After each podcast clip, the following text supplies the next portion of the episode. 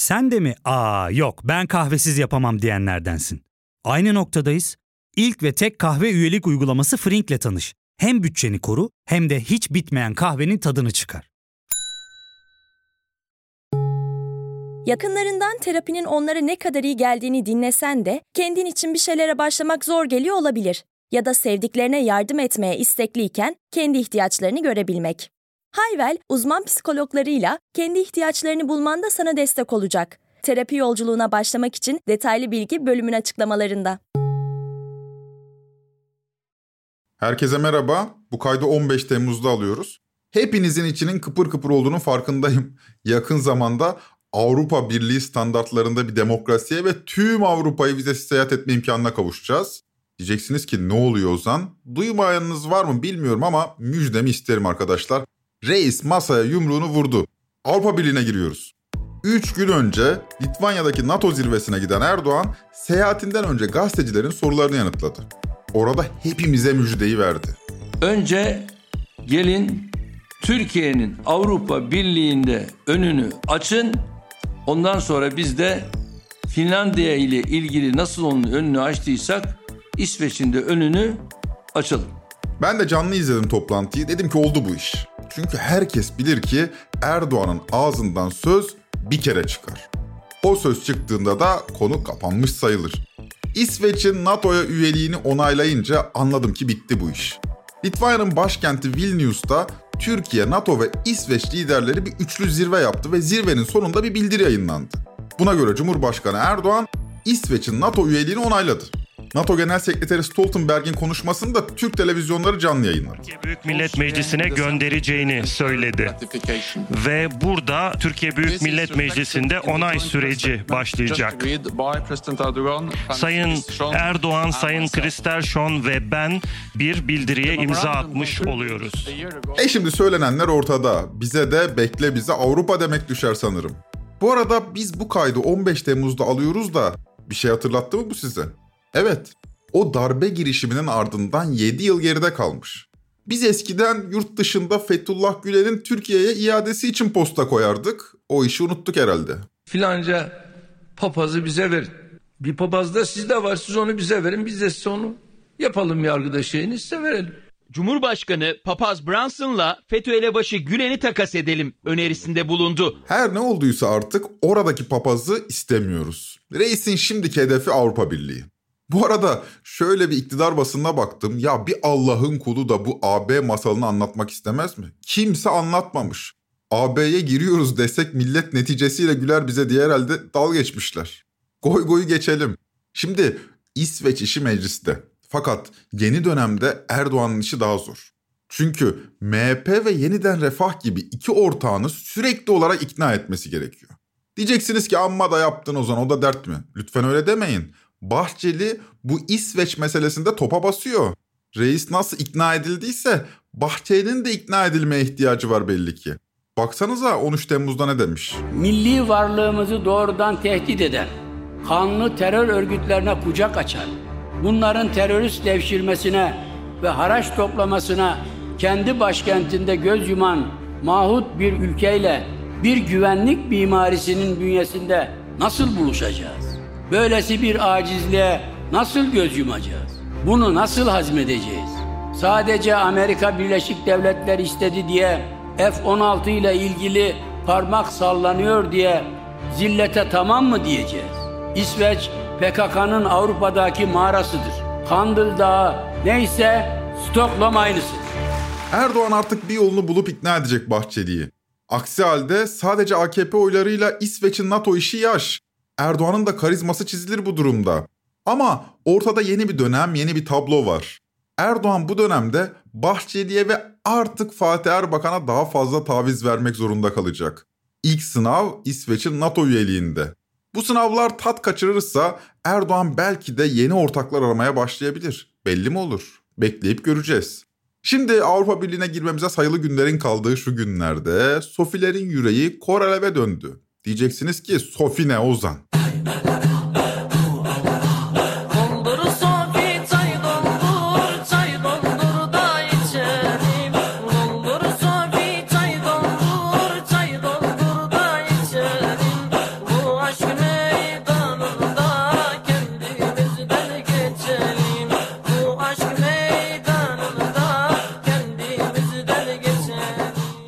Diyorsanız bu hikaye ilginizi çektiyse bu bölüm tam sizin için.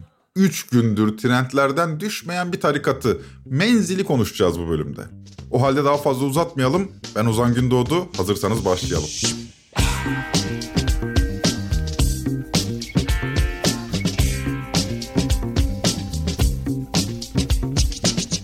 Sevgili dostlar, esasında bu bölümde CHP'yi konuşacaktık. Bunun için elimizde materyaller de vardı. Mesela Tanju Özcan, mesela Levent Gültekin'in anlattıkları.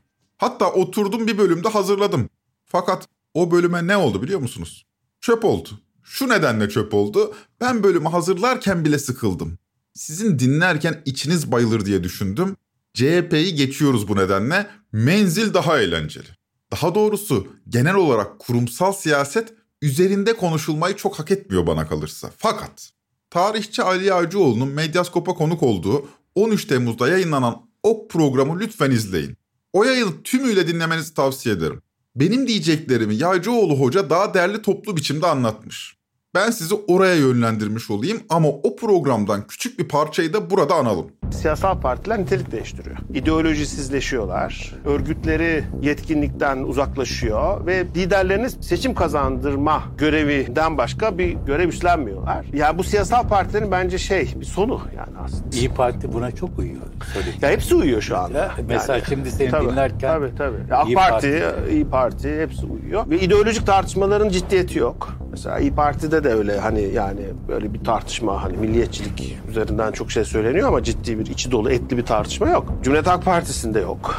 Yani hani en değil mi olması gereken Bence tipte falan da yok yani. Hani böyle bir takım sosyalist işte semboller var falan ama hani böyle ciddi bir e, entelektüel bir tartışma yok. Son derece önemli. Siyasi partilerin devri bitiyor. Partiler birbirinden farksızlaşıyor ve liderlerinin kişisel karizmalarına yaslanıyorlar. Bu ortamda din gibi, milliyetçilik gibi politik akımlar yeni dönemin belirleyicisi oluyor. Çünkü ideolojiler çöküyor. Bu ortamda kurumsal siyasette siyasal İslamcılar kazanıyor. Sivil toplum faaliyetlerini de cemaatler veya tarikatlar ele geçiriyor. Bugünkü konumuz da bu meseleye ilişkindir. Menzil ya da bir başka adıyla Semerkant tarikatı. Hayatınızda hiç Menzil tarikatı üyesi tanıdınız mı bilmiyorum. Ama Menzil'in şeyhi Abdülbaki Erol'un ölümünün ardından 3 gündür trend topik konusu Menzil tarikatı. Tarikat mı, cemaat mi, bir sivil toplum faaliyeti mi o da pek net değil. Ne derseniz doğrudur. Hem tarikattır çünkü şeyhi var, hem cemaattir çünkü Menzil aynı zamanda Nakşibendi tarikatı Halidiye koluna mensuptur. Hem de bir sivil toplumdur, dernekleri var, vakıfları var. Biz bu nedenle İslami ekol diyelim. Bir kere tarikatlara İslami ekol dedim diye Twitter'da linç edilmiştim. Yani İslami ekol değil tarikat diyeceksiniz diyorlar. Tarikata da böyle olumsuz bir anlam yüklüyorlar. Halbuki bunlar da tarikat olduğunu kabul ediyor ki. Neyse o aklıma geldi geçelim bunu. Menzil ilginç bir ekol. Adıyaman'ın Menzil köyünden tüm Türkiye'ye yayılan bu tarikatın hikayesi son derece enteresan. Bir kere bu çaptaki diğer tarikatların aksine merkeze uzakta, çevrede üreyen bir ekolden bahsediyoruz. Mesela yine Nakşibendi ekollü İsmail Ağa'nın, İskender Paşa'nın, Erenköy'ün merkez üsleri İstanbul'dur. Fakat menzil öyle değil. Doğum yeri Adıyaman'ın Kahta ilçesinin Menzil köyü. Mensupları da kendilerine Sofi diyorlar. Independent Türkçe'nin genel yayın yönetmeni Nevzat Çiçek'i dinleyelim. Bunlar kendi mensuplarına Sofi olarak isim verirler yani Sofiler derler. Kendilerine müntesip kişilere Sofi derler. Peki nasıl Sofi olunur? Bunun için menzile gitmeniz gerekiyor. Menzile gidip tövbe edeceksiniz. Şimdi menzile gidip tövbe etmek olarak ifade ettiğim seremoniyi biraz açmamız gerekiyor sanırım. Çünkü öyle basit bir tövbeden bahsetmiyoruz. Tarikatın merkezden bu kadar uzak olmasına rağmen bu derece popüler olması bu tövbe ritüelinden kaynaklıdır. Özellikle 70'li yıllarda alkol, kumar, kadın zaafı olan kimseler bu köye giderek tövbe ediyor ve günahlarından arındıklarını düşünüyorlar. Bir süre köyde kalıp kendi kentlerine dönüyor ve eğer ki tarikat yoluna devam ediyorlarsa sofi oluyorlar. Şu soru haklıdır. Ya İstanbul'da tövbe etmekle Menzil köyüne gidip tövbe etmek neden farklı olsun ki? Allah tövbekarın nerede tövbe ettiğine mi bakmaktadır? Bunlar haklı sorular fakat mesele biraz daha tasavvufi. Bunlar bu anlayış için cevabı son derece basit sorular bu arada arkadaşlar. Burada tasavvufi bir anlayış devreye giriyor. Şeyhi şahit gösterip tövbe alma deniyor buna. YouTube hocalarından Kerem Önder ki 700 bin takipçisi var bu konuyu şöyle açıklamış.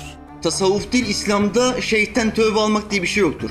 İslam'da şeyhi vesile edip, şeyhi şahit yapıp tövbe etmek vardır. İslam'da tövbe almak yoktur. İslam'da nasuh tövbesi yapmak vardır. Bir velinin huzurunda bu tövbeyi yaptığın zaman onu şahit kılmış olursun. Daha bir tövbene sadık olursun. Tasavvufta şahitli tövbe vardır. Yani siz şeyhten tövbe almıyorsunuz. Bu zaten şirk gibi bir şey. E ne o zaman? Şeyhi şahit göstererek tövbe ediyorsunuz.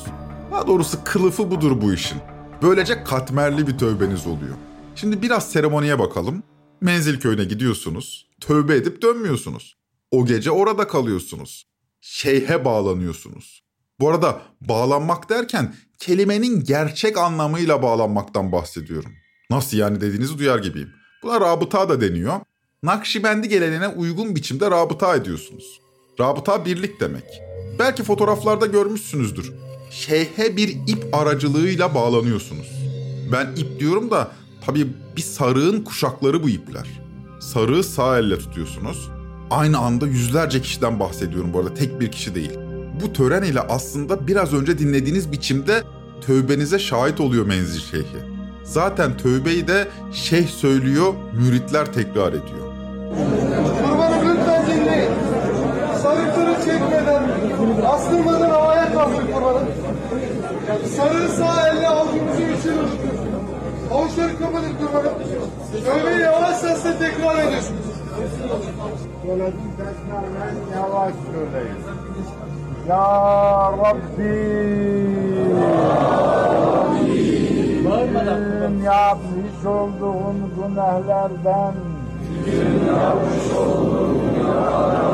ben pişmanım. Ben pişmanım. Keşke yapmasaydım. Keşke yapmasaydım. İnşallah. İnşallah. Bir daha ben yapmadım. Bir daha ben yapmadım. Ben kabul. Bu arada menzilde diğer ekollerden farklı olarak şeyhin pozisyonu son derece yüksek.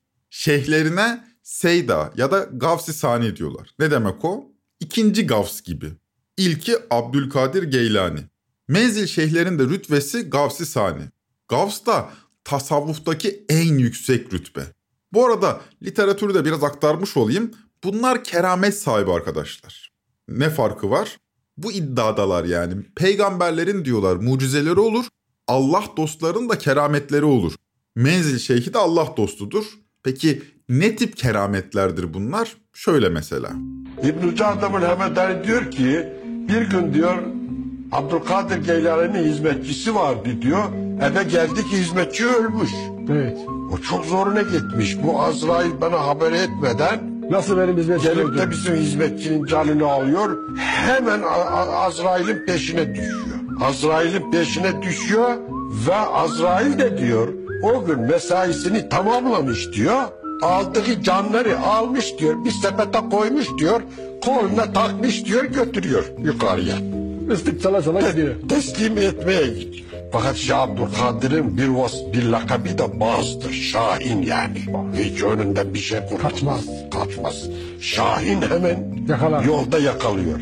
Yakalıyor ve Azrail'e diyor ki bizim hizmetçinin canını almışsın benden habersiz diyor. Hı hı. E diyor ki Allah diyor emir verdi ben de aldım diyor. Ver canını geri ver diyor. Vermem diyor.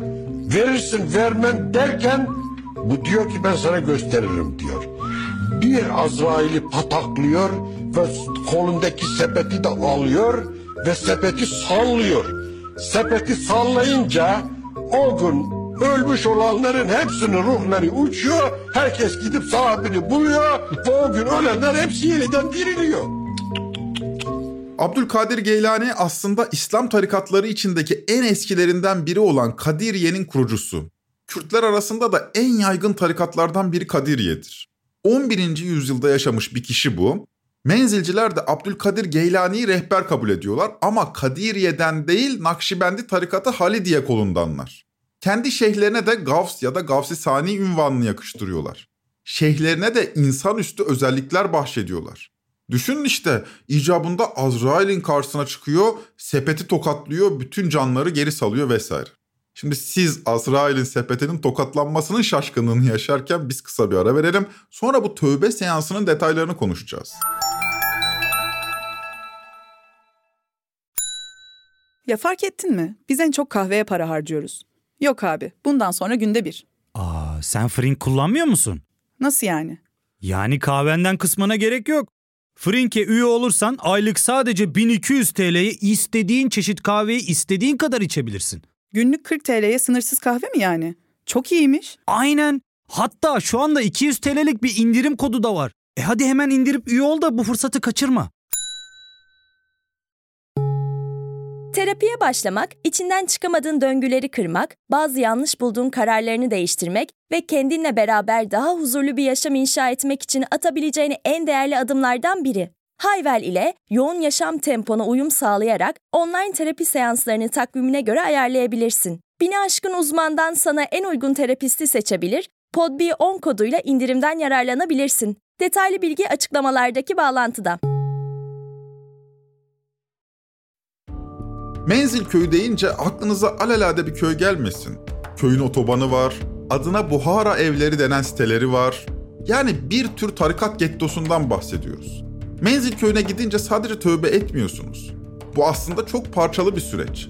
Bu süreçte çorba ve ekmekle besleniyorsunuz. Ekmeğin mayasının da Kerbela'dan bu yana saklandığı iddia ediliyor. Yani bu ekmeğe de bir kutsiyet atfediliyor. Hazreti Hüseyin'in yediği ekmeği yemiş sayılıyorsunuz. Zaten Abdülbaki Erol resmi adı. Normalde Abdülbaki El Hüseyini olarak anılıyor kendisi. Buradaki El Hüseyini Hüseyin'in soyundan anlamını taşıyor. Zaten Abdülbaki Erol da kendisini Seyyid olarak tanımlıyor. Ne demek o? Yani Hazreti Muhammed'in soyundan gelen kişi. Gavs Hazretlerimizin vefat haberini aldık. Rabbim Celle Celaluhu onun makamını âli eylesin.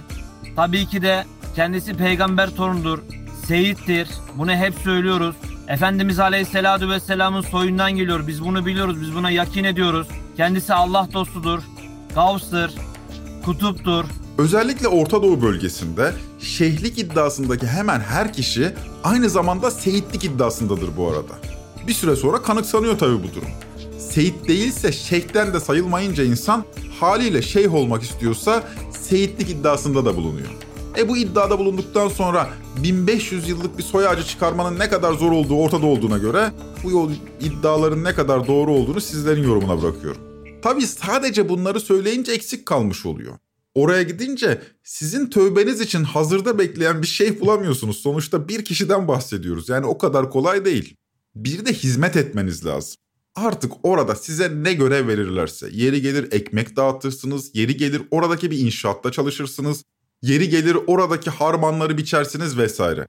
Bu işin maddi bir karşılığı yoktur. Bedavaya hizmet edersiniz. Menzil şeyhi aslında isterse melekleri de çalıştırabilir de sofilerin kazanmasını istemektedir. Yüce Nakşibendi yolunun önemli amellerinden biri de hizmettir. Hizmet, müridin kendini yetiştirmesinde ve manevi olarak yükselmesinde en önemli basamaktır. Seyyid Muhammed Raşid Hazretleri geceleri sofiler uyuduktan sonra lavaboları temizleyerek Seyyid Abdülhakim el-Hüseyni Hazretleri de hizmet yapmak maksadıyla Şahı Hazne'nin sürüsünün ahırında tezekleri bir taraftan öbür tarafa atarak bu yolda ilerlemişler ve benliği yıkmışlardır. Seyyid Abdülhakim el-Hüseyni Hazretleri bir gün müritlerinden ahırın önündeki samanları ahırın üstüne atmalarını ister. Sofiler samanları ahırın üzerine atarken içlerinden biri mübarek bize niye hizmet ettiriyor ki diye içinden geçirir. O esnada mübarek Gavs gelir ve Sofiler çok yoruldunuz. E, isterseniz bir çay molası verin hem dinlenmiş olursunuz buyurur. Çay içme esnasında içinden bunları geçiren Sofi'nin kalp gözü açılır ve samanları meleklerin taşıdığını görür. Gavs Kudsesi Ruh buyurur. Sofi gördün mü biz istesek Allah'ın izniyle bu işi meleklere bile yaptırırız. Ancak istiyoruz ki Sofiler kazansın. Şimdi bir düşünelim. İstanbul'da yaşayan, kendi halinde bir Müslüman kişisiniz. Ne işiniz olur Adıyaman'ın Kahta ilçesinin Menzil köyünde? Yani hayat sizi oraya nasıl götürür? Burada menzilin tövbe kapısı olma iddiası son derece etkili bir silah. Zaten diğer tarikat ve cemaatlerden ayrılan kısmı da söz konusu bu tövbe ritüelidir. Ruşen Çakır'ın 1991'de yayınlanan Ayet ve Slogan kitabından bir bölümü sizlere okuyayım. 1970'li yıllarda İstanbul'un Çağlayan semtinde genellikle yaz aylarında Adıyaman'a otobüsler kalkardı. Rize, Trabzon gibi Karadeniz illerinden göçmüş. Çoğu küçük esnaf kökenli insanlar bir ibadet ciddiyeti içinde kiraladıkları otobüslerle yüzlerce kilometre kat ederlerdi. Mahallede içki, kumar vesaire alışkanlıklarına tutkun çok sayıda erkek büyük ölçüde ailelerinin zorlamasıyla çıktıkları bu yolculukların ardından tövbe etmiş olarak dönerlerdi. Şimdi genel olarak içki, kumar, uyuşturucu, fuhuş gibi bağımlılıklarınızdan kurtulma yolu olarak Menzil Köyü öne çıkıyor. Oraya gidiliyor ve burası bir nevi amatem görevi görüyor. Tövbe ediliyor. Disiplinli biçimde çalıştırılıyorsunuz. Bir şeyhe bağlanıyorsunuz. Aynı değildir ama psikolojik etkisinin Hristiyanlıktaki günah çıkarmaya benzediğine eminim. Sofiler hayatlarında bir kere menzile gitmiyorlar, sık sık gidiyorlar. Yani aslında her gittiklerinde günahlarından arınmış hissediyorlar kendilerini. Bunu da bir ibadet olarak yapıyorlar. Menzile çorba içmeye gitmek. Bu bir ritüel. Haydi Sofiler çorbaya, Sofiler çorbaya. Çorbaya Sofiler. Haydi Sofiler çorbaya. Çorbaya Sofiler çorbaya. Haydi kazanda pişer ayrı ayrı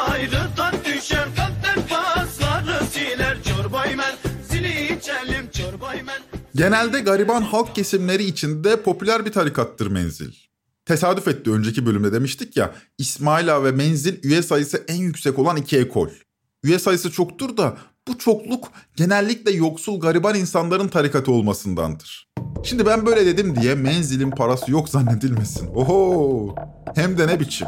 Aslında tezgah iyi tezgah. Yüz binlerce bedava çalışanınız var. Yüz binlerce. Hiçbir holdingde bu kadar çalışan yok. Bunlar bedava çalışıyor. Çalışanlar para pul istemiyorlar. Hatta çalışanların bir miktar parası varsa hem çalışıyorsunuz hem de gidiyorsunuz bağış yapıyorsunuz. Hizmet etmeyi ibadet sayan yüz binlerce insan. E bu insanların aynı zamanda müşteri olduğunu da düşünün. Tarikatın mallarından, hizmetlerinden satın alıyorlar. Semerkant yayınları, Beşir Derneği gibi sivil toplum faaliyetlerini de finanse ediyorlar. Sağlık sektöründe çok gelişmiş durumdalar. Hatta birçok sağlık bakanı bu tarikatın mensubu. Mesela Abdülbaki Erol'un öldüğü İstanbul'daki Emsey Hastanesi tarikatın en büyük sağlık kuruluşlarından. Doktorlar da dahil olmak üzere çalışanlar sofilerden oluşuyor. Hastaneyi de 9 yıl önce Erdoğan açmış bu arada. Resmi açılışını gerçekleştirdiğimiz Emsey Hastanesi'nin İstanbul'umuza, ülkemize, hastalarımızın şifa bulmasına vesile olmasını Allah'tan temenni ediyorum. Bu noktada samimiyetle düşünelim. Bu insanlar aynı zamanda gerçekten yardıma muhtaç insanların da yanındalar. Hele ki deprem bölgesinde. Sofiler deprem bölgesinde son derece aktif çalıştılar. Bu esnada tarikatlarına da mürit topladılar. Olağanüstü bir felaketle baş başa kalan insanlar menzil sofilerine sığındılar. E menzil sofilerin de arkasında AFAD var, Kızılay var. Lütfen empati yapın. Tüm yakınlarınızı kaybetmişsiniz, sığınacak bir liman kalmamış, kimse yok. Yanı başınızda da icabında depremi durdurma kudretinde olduğunu iddia eden insanlar var. Şaka yapmıyorum. Menzil şeyhi gerekirse depremi de durdurur. Menzil'in ileri gelenlerinden Şemsettin Bektaşoğlu, Menzil Şeyhi Abdülbaki Erol'un kerametlerini anlatıyor. Halk korktu, telaş etti, sokağa çıktı. Bundan yardım istediler. Bu da zelzeleye doğru hitap etti. Ey zelzele dedi. Sen Allah'ın bir mahlukusun dedi. Allah'tan seni sakinleştirmesini dilerim dedi. Sakinleş dedi. Zelzele kendi lisan haliyle ona cevap verdi. Dedi ki sana itaat olunmakla emrolundum dedi ve zelzele bitti. Dedim ya doğaüstü mertebeler atfediliyor Abdülbaki Erol'a diye. Abdülbaki Erol'un şahsına özel değil bu. Önceki şeyhlerde de aynı durum söz konusuydu. Menzil şeyhine olağanüstü mertebeler atfediliyor. Şimdi sadece tövbe kapısı olarak mürit toplamıyor menzil. Özellikle Güneydoğu illerinde çok sayıda sübyan mektebi ve medreseleri de var. Bunlar yasa dışı tabii ama işte devirin ne devri olduğunu biliyorsunuz. Bu medreselerde yeni müritler yetişiyor. Birçoğunun adı da Şeyhleri Abdülbaki Erol ile aynı. Tıpkı Abdülbaki Dakak gibi. Hatırladınız mı? Şanlıurfa'nın Haliliye ilçesinde 12 yaşında bir çocuk bir ahırda ölü bulundu. Asılı halde. Abdülbaki Dakak bu arada çocuğun ismi. E, yatılı bir Kur'an kursunda üstelik de izni olmadığı belirtilen bir Kur'an kursunda eğitim görüyordu. İstemiyordu da orada olmayı. Bir iki kez kaçmaya çalıştı ailesi tarafından geri getirildi. Belli ki zorla kalıyordu. Abdülbaki Dakak'ın ölümünün ardındaki gizem anlaşılamadı. Henüz bir ay önce işlendi bu cinayet, belki de intihar. 12 yaşındaki bu genç insan 3 yıldır bu medresede yatılı olarak kalıyordu. İntihar mıydı yoksa bir cinayet mi? Bilen yok. Fakat medresedeki diğer çocukların iddianameye girmiş ifadeleri nasıl bir ortamda yetiştiklerini de gözler önüne seriyor. Şöyle denmiş. Ceza aldığımızda bize dayak atılıyordu. Dayak atma kimi zaman sopa ile kimi zaman tokat atma şeklinde oluyordu. Bir puan sistemi uygulanıyordu. O puanın altında kaldığımızda tek ayak üzerinde bekletme gibi cezalar da veriliyordu. Abdülbaki Erol 74 yaşında bu camia için önemli biriydi. Peki Menzil Şeyhi öldüyse yeni şeyh kim olacak? Biliyorum sabah akşam bunu düşünüyorsunuz acaba kim olacak diye. Bir kere yeni şeyhin belirlenme usulüne bakalım. Yani nasıl belirleniyorlar? Sonuçta Cumhurbaşkanı seçimle geliyor. Burada da babadan oğula bir transfer var ama halifeleri de var. Normal şartlar altında cemaatlerde halifelik olmuyor. Bu halifelik, şeyhlik işleri büyük ölçüde tarikatlara ilişkin makamlar. Yani cemaat eşittir tarikat demek doğru değil. Meselenin detayları var. Fakat bu boya erişmiş cemaatlerde kurumsal devamlılık önemli.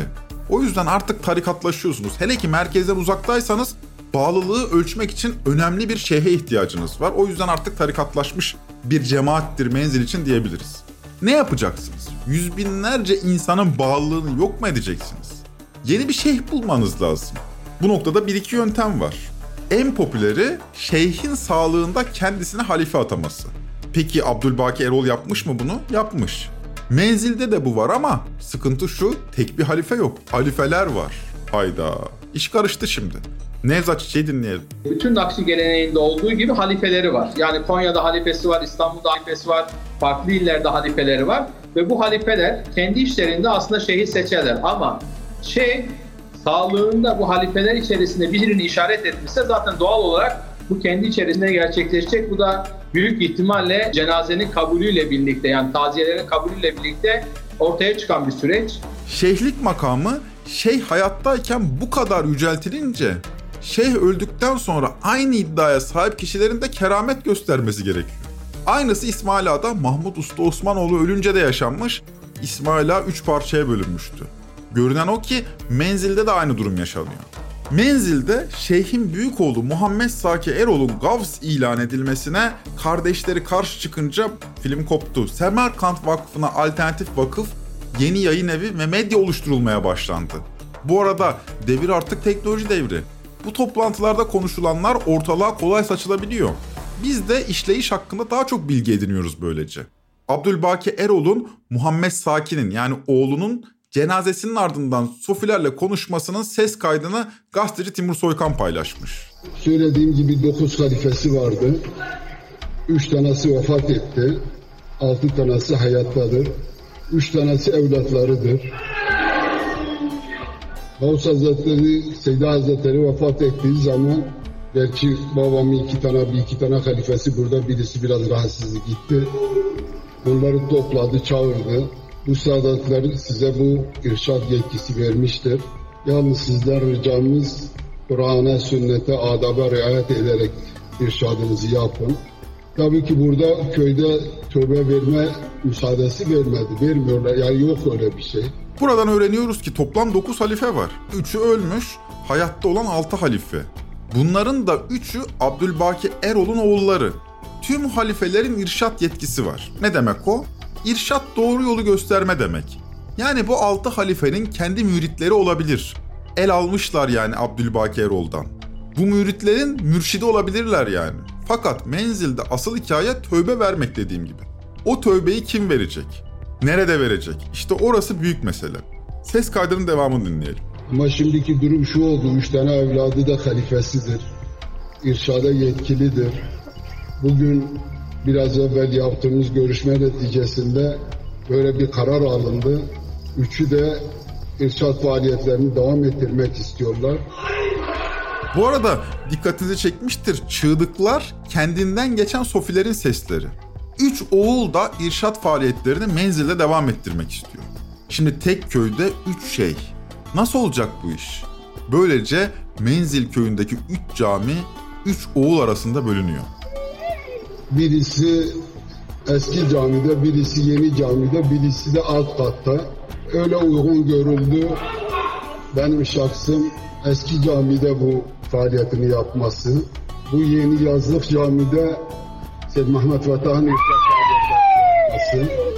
Alt kattaki camide Seyyid Mübarek o faaliyeti yapması. Bu noktada bir şüphe ortaya çıkıyor. Gavs öldü. Yaşasın yeni Gavs gibi bir durum olmadığına göre o halde alınan tövbeler, çekilen zikirler ne olacak? Ondan da diğer oğul Fettah Erol bahsediyor. Son derece çarpıcı bir an bu. Tüm zikirler, tüm tövbeler iptal oldu diyor Fettah Erol. Sofiler tabii son derece üzülüyor. Allah için gönlünüze göre bundan sonra zikrinizde, ibadetlerinizde devam edelim. Ama bu saatten sonra zikirleriniz hepsi iptal olmuştur. Vekillikleriniz iptal olmuştur. Hani bir kişi kalkıp bu saatten sonra tövbe veremez. Ne herkes vekilde tövbe veremez. Sofi de zikrini soracak bundan sonra. Bütün zikirlerini yenilemesi lazım. O yüzden hiç kimse tövbe vermez. Allah razı olsun. Allah hayrınızı kabul etsin. Şimdi ortada üç şeyh var. Bütün tövbeler, zikirler iptal. Aslında bu üç Gavs adayının boy ölçüşeceği yeni bir süreç. Menzil ilk kez deneyimleyecek böyle bir süreci. İnsanlar yine menzile gidecekler ama görünen o ki artık tövbe verecek tek bir şeyh yok menzilde. Zaman içinde bu şeyhlerden biri öne çıkacak ve tövbe seansları yeniden başlayacak. Kim bilir belki de tövbe vermeye devam edecek üç şeyhin üçü de. Kimi bir şeyhe, kimi başka bir şeyhe bağlanarak tövbe edecek. Ama Menzil köyüne çorba içmeye gitme ritüeli belki de hiç bitmeyecek. Ve elbette bu tezgah sürdüğü müddetçe yüz binler belki de milyonlarca insanın maddi ve manevi sömürüsü de devam edecek. Sofiler şeyhlerine itaat etmek uğruna devlet imtiyazlarını tarikatları için kullanacak.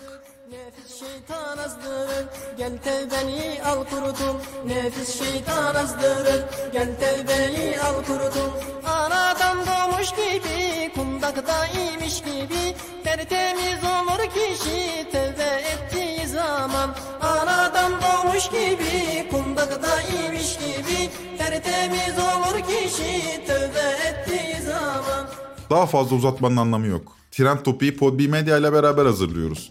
Bir sonraki bölüme kadar kendi aklınızla alay edilmesine izin vermediğiniz günler dilerim. Hoşçakalın.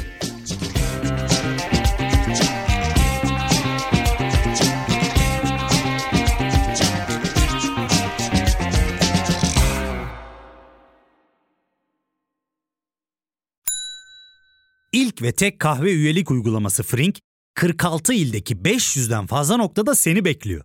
Açıklamadaki kodu girerek sana özel 200 TL'lik indirimden faydalanmayı unutma. Hadi sen de Frink üyeliğini başlat, kahven hiç bitmesin. Hem bugününe hem yarınına katacaklarıyla terapi yolculuğuna ve daha iyi hissetmeye bugün Hayvel ile başla. Açıklamadaki linkten Hayvel'i indir, ücretsiz tanışma görüşmelerinin ardından bütçene uygun seans paketini seç ve terapi yolculuğuna başla.